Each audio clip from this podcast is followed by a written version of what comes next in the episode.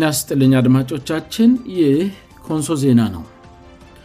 አሁን የዕለቱን አንኳር ዜናዎች የምናቀርብበት ጊዜ ላይ ደርሰናል ዜናውን የማቀርብላችሁ የቬሎናተነኝ አብራችሁ ኑነ አርስት ዜናዎቹን በማስቀደም የዕለት ማክሰኘው ሂዳር 21 ቀን 214 ዓም አንኳር ዜናዎችን አሰማለሁ የኮንሶ ዞን መንግሥት የህክምና ባለሙያዎችን ወደ ግንባር መሸኘቱን አስታወቀ በኮንሶ ዞን የኮልሜ ክላስተር ጽፈት ቤት ኃላፊዎች የአስቸኳይ ጊዜ አዋጁን አጋጣሚ በመጠቀም በማተራና ኪሰባ ቀበሌ አመራር ላይ ከህግ አግባብ ውጭ የሆኑ እርምጃዎችን እየወሰዱ ነው ተባለ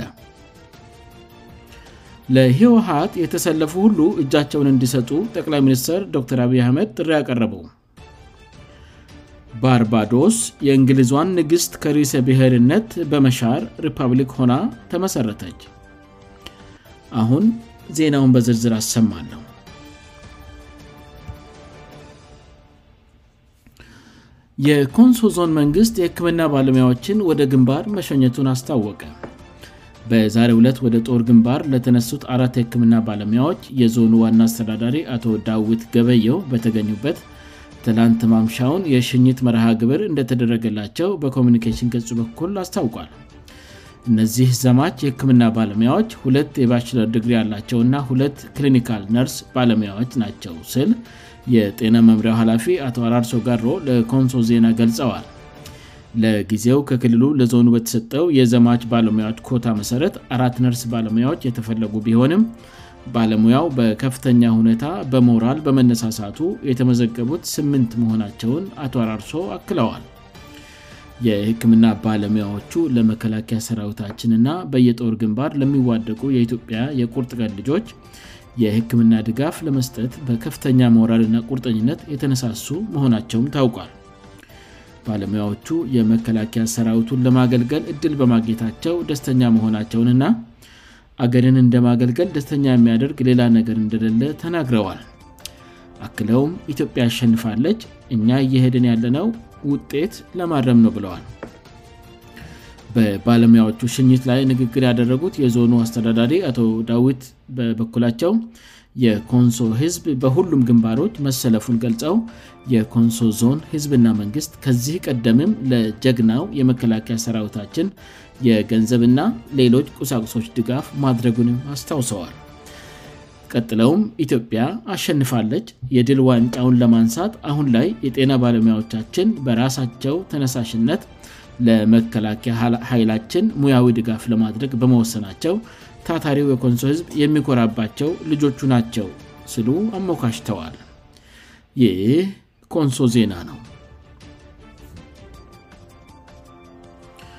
በኮንሶ ዞን የኮልሜ ክላስተር ጽፈት ቤት ኃላፊዎች የአስቸኳይ ጊዜ አዋጁን አጋጣሚ በመጠቀም በማተራና ኬሰባ ቀበለ አመራር ላይ ከህግ አግባብ ውጭ የሆኑ እርምጃዎችን እየወሰዱ ነው ተባለ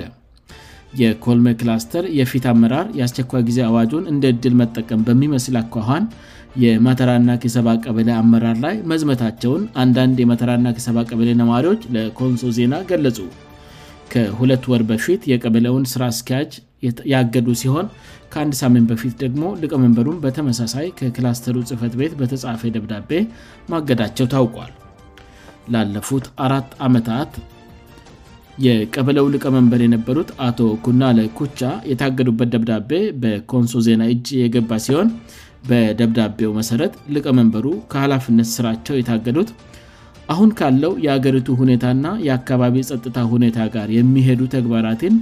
በቀበለው በፈጠነ ሁኔታ ለመምራት እጅግ በጣም በሚባል ደረጃ ወደ ኋላ የቀሩና ቀበለውን የጣሉ በመሆኑኑ ተብለል ይሁንና ደብዳቤውን የጻፉት የኮልሜ ክላስተር ዋና አስተዳዳሪ አቶ ኩሜተ ኩቶ ስለ ጉዳዩ ለኮንሶ ዜና ሲገልጹ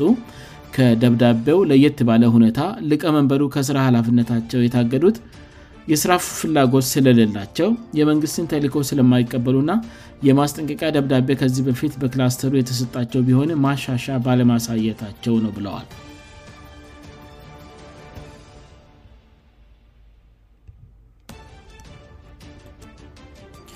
እንደ ማተራና ከሰባ ነዋሪዎች አስተያየት ከሆነ የክላስተሩ የፊት አመራሮች በታታርነት የሚታወቅ የቀበለውን ስራ አስኪያጅ አቶ ኮምፒሶ ኡታኛን በማይታወቅ ምክንያት ለ11 ወራት ደሞዙን አግደውበት በተደጋጋሚ ዞን ፋይናንስ በሚሄድበት ጊዜ ደሞዚ ከክላስተር በተጻፈ ደብዳቤ ታግዶባሃል መጀመሪያ ከእነሱ ጋር ጨርስ እየተባለ ሲመላለስ እንደኖረ ና ወርሃዊ ሪፖርቱንም የክላስተር ኃላፊዎቹ እንደማይቀበሉት ና በፈቃዱ ስራውን እንድለቅ ተደጋጋሚ ጫና ሲደረግበት እንደነበር ተናግረዋል ዘለቀኑ ተብለል አቶ ኮምፕሶ ደሞዝን ለ11 ወራት ባያገኝም የምደረግበትን ጫና ተቋቁሞ ሥራውን በፈቃዱ ባለመልቀቁ ከሁለት ወር በፊት ከስራው ጭምር እንዳገዱት ተገልጿል ጉዳዩን ወደ ህግ በመውሰድ ወላይታ ሶወዶ ለሚሰየመው የክልሉ ተዘዋዋሪ ችሎት ያቀረበ ቢሆንም የክላስተሩ ኃላፊዎች ከቀጠረው ቀን በፊት እስከ ወላይታ ሶዶ ድረስ በመሄድ ጣልቃ ገብተው ህጋዊ መፍትሄ እንዳያገኝ እንዳደረጉ ስለ ጉዳዩ የሚያውቁ የቀበለው ነዋሪዎች ይናገራሉ ጉዳዩ ለሁለት ቀናት በኮልመ ከተማ ላይ የተደረገው የምሁራን ውይይት ላይም ተነስቶ ታታሪ መሆኑ የተመሰከረለት ባለሙያው ያለአግባብ ከስራው ገበታ መፈናቀል የለበትም የሚል ውሳኔ እንደተሰጥበትና ስራ አስኪያጁ የቀበለው ሸንጎ ሙሉ ድጋፍም ያለው መሆኑ ስለተገለጸ አመራሩ ፖለቲካ ውሳኔያቸውን እንዲያጤኑት መጠየቁ ተገልጿል ይሁንና አሁን ላይ በተጨማሪነት የቀበለው ልቀመንበርም ከስራ መታገዱ በእጅጉ እንዳሳዘናቸው ነዋሪዎቹ ይናገራሉ የቀበለው ልቀመንበር አቶ ኩናለ ኩቻ ከአራት ዓመታት በፊት በቀበለው ፓርላማ ተመርጦ ህዝቡን በከፍተኛ ትጋት በማገልገል ላይ ያለና በቀበለው ዋሳኝ አካባቢዎች በኩል በነበረው ጦርነት ወቅትም ተገቢውን አመራር የሰጡ ናቸው ይላሉ የቀበለው ነዋሪዎች ልቀመንበሩ በቅርቡ በአካባቢ ላይ ከተፈጠረው ግጭት ጋር በተያዘ ወንጀለኞችን አውጡ ተብለው መጠየቃቸውን እና ወዲያውም ተይዘው ለአንድ ወር ክል መታሰራቸውን ከእስር ከተፈቱ በኋላም ይህ የእግድ ደብዳቤ እንደተሰጣቸው ነዋሪዎቹ ይናገራሉ ማተራእና ኪሰባ በምርጫ ወቅት በኮልመ ክላስተር ኢዜማ ፓርቲ ያሸነፈበት ብቸኛ ቀበለ መሆኑን የሚናገሩት የቀበለው ነዋሪዎች ከምርጫው ማግስት ብዙ የቀበለው ነዋሪዎች ለእንግልት እንደተዳረጉ ከምርጫ ቅስቀሳ ጊዜ ጀምሩ የክላስተሩ አመራሮች በቀበለው መሪዎች ላይ ሰበብ ሲፈልጉባቸው እንደነበርና ምንም እንኳን በምሁራኑ ውይይት ወቅት ሁሉም ነገር ቀርቶ በአድስ መንፈስ አንድ የሆነን ወደፊት መሄድ እንዳለብን የተገለጸ ቢሆንም በኮልሜ ክላስተር አመራር በኩል ምንም ለውጥ አይታይም ይላሉ የአካባቢው ነዋሪዎች የቀበለው ልቀመንበር በቀበለው ፓርላማ የሚመረጥ ከመሆኑ ጋር ተያይዞ ጉዳዩን የቀበለው ፓርላማ ያውቀዋል ወይ ተብለው ሲጠየቁ የክላስተሩ አስተዳደር አቶ ኩሜተክጦ ሲመልሱ ምንም የስራ ተነሳሽነት የሌላቸውን አመራርና የምክር ቤት ስብሰባ ላይ የማይገኙን ሀላፊ ከላፍነት ማንሳት እንደሚያስፈልግ ገልጸው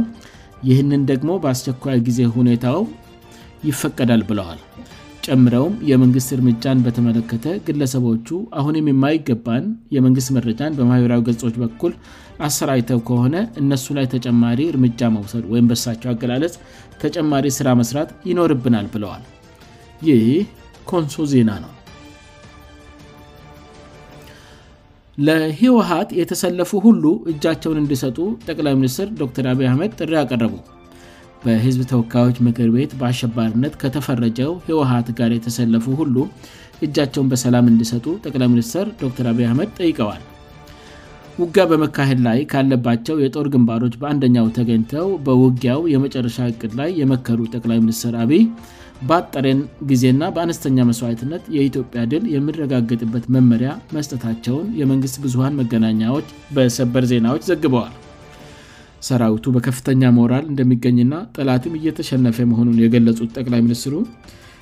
በተደናበረ እቅድ የገባው ጠላት ተደናብሮ መውጣት እንደማይችል መናገራቸው ተገልጿል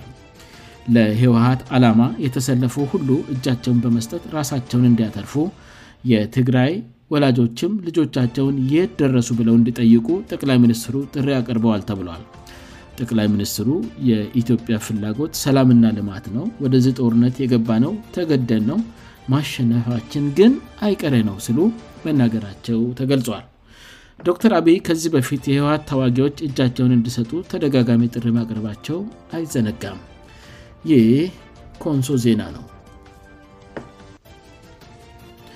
ባርባዶስ የእንግሊዟን ንግሥት ከሬሰ ብሔርነት በማስወገድ ሪፐብሊኮና ተመሠረተች ከካሪቢያን ደሰቶች አንዷ የሆነችው ባርባዶስ ንግሥት ኤልሳቤጥን ከርዕስ ብሔርነት በመሻር ሪፐብሊኮሆና ዛሬ ተመስርታለች ለ55 ዓመታት የዘለቀው የንግሥት ኤልሳቤጥ አገዛዝ እንዲያበቃ ያደረገችው ባርባዶስ ዴም ሳንድራ ማሶን የተባሉት ሴት የመጀመሪዋ የሀገሪቱ ፕሬዝደንት አድርጋ ሾማለች የ72 ዓመቷ ሳንድራ የንግሥት ኤልሳቤጥ ልጅ የወልሱ ልኡል አልጋውራሽ አዛውንቱ ቻርልስ በተገኙበት ትናንት ምሽት የመጀመሪዋ የሀገሪቱ ፕሬዝደንት ሆነው በብሪጅ ታውን ከተማ ቃለ መላ ፈጽመዋል ሚያ አሞር ሞት ላይ ደግሞ በሪስ መንግሥትነት ጠቅላይ ሚኒስትር ሆነዋል እናታቸው ለግማሽ ምእተ ዓመት ይዘውት ከነበረው ስልጣን በሚወገዱበት ሥነሥርዓት ላይ የተገኙት ሊኡል አልጋውራሽ ቻርልስ የደሰቴቷ ሀገር ዜጎች ላሳለፉት በግፍ የተሞላ የባርነት ህይወት እውቅና ሰጥተዋል ሁኔታዎች ቢቀያየሩም አሁንም ከባርባዶስና ከህዝቦቿ ጋር ወዳጅ ሆነው እንደሚቀጥሉም ገልጸዋል ቻርልስ በመጨረሻ ዕድመ ዘመናቸው ላይ የሚገኙትን ንግስት ልሳቤጥን ተክተው የንግስና አልጋው ላይ ወራሽ ናቸው ባርባዶስን ቅኝ ለገዟት የእንግሊዝ ልዑላውያን ቤተሰቦች የመጨረሻ የምስጋና ቃል በአዲሷ ፕሬዝደንት ዴም ሳንድራ ማሶን ከተሰጠ በኋላ የልዑላውያኑ በአንዲራ ወርዶ በሀገሪቱ እንድተካ ተደርጓል ፕሬዝደንት ደም ሳንድራ ከፈረንጆቹ 2018 ዓ ም ጀምሮ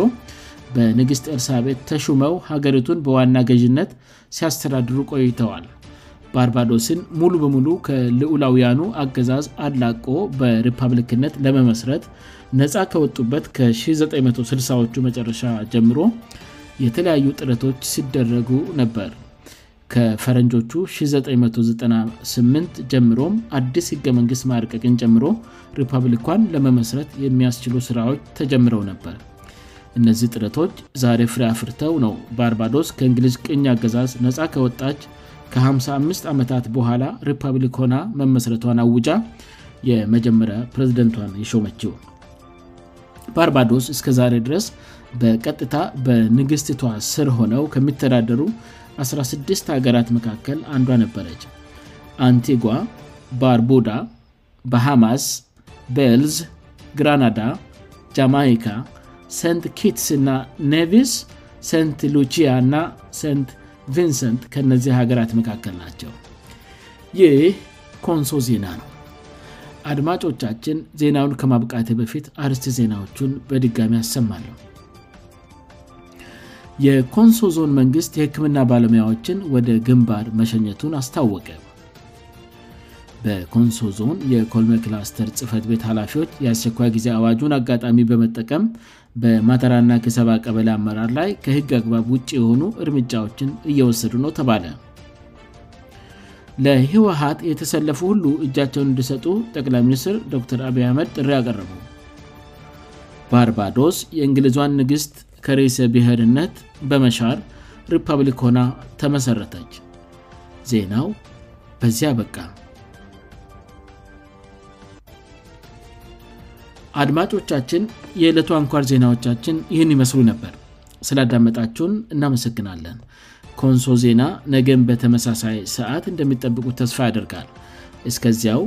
በደና ቆዩን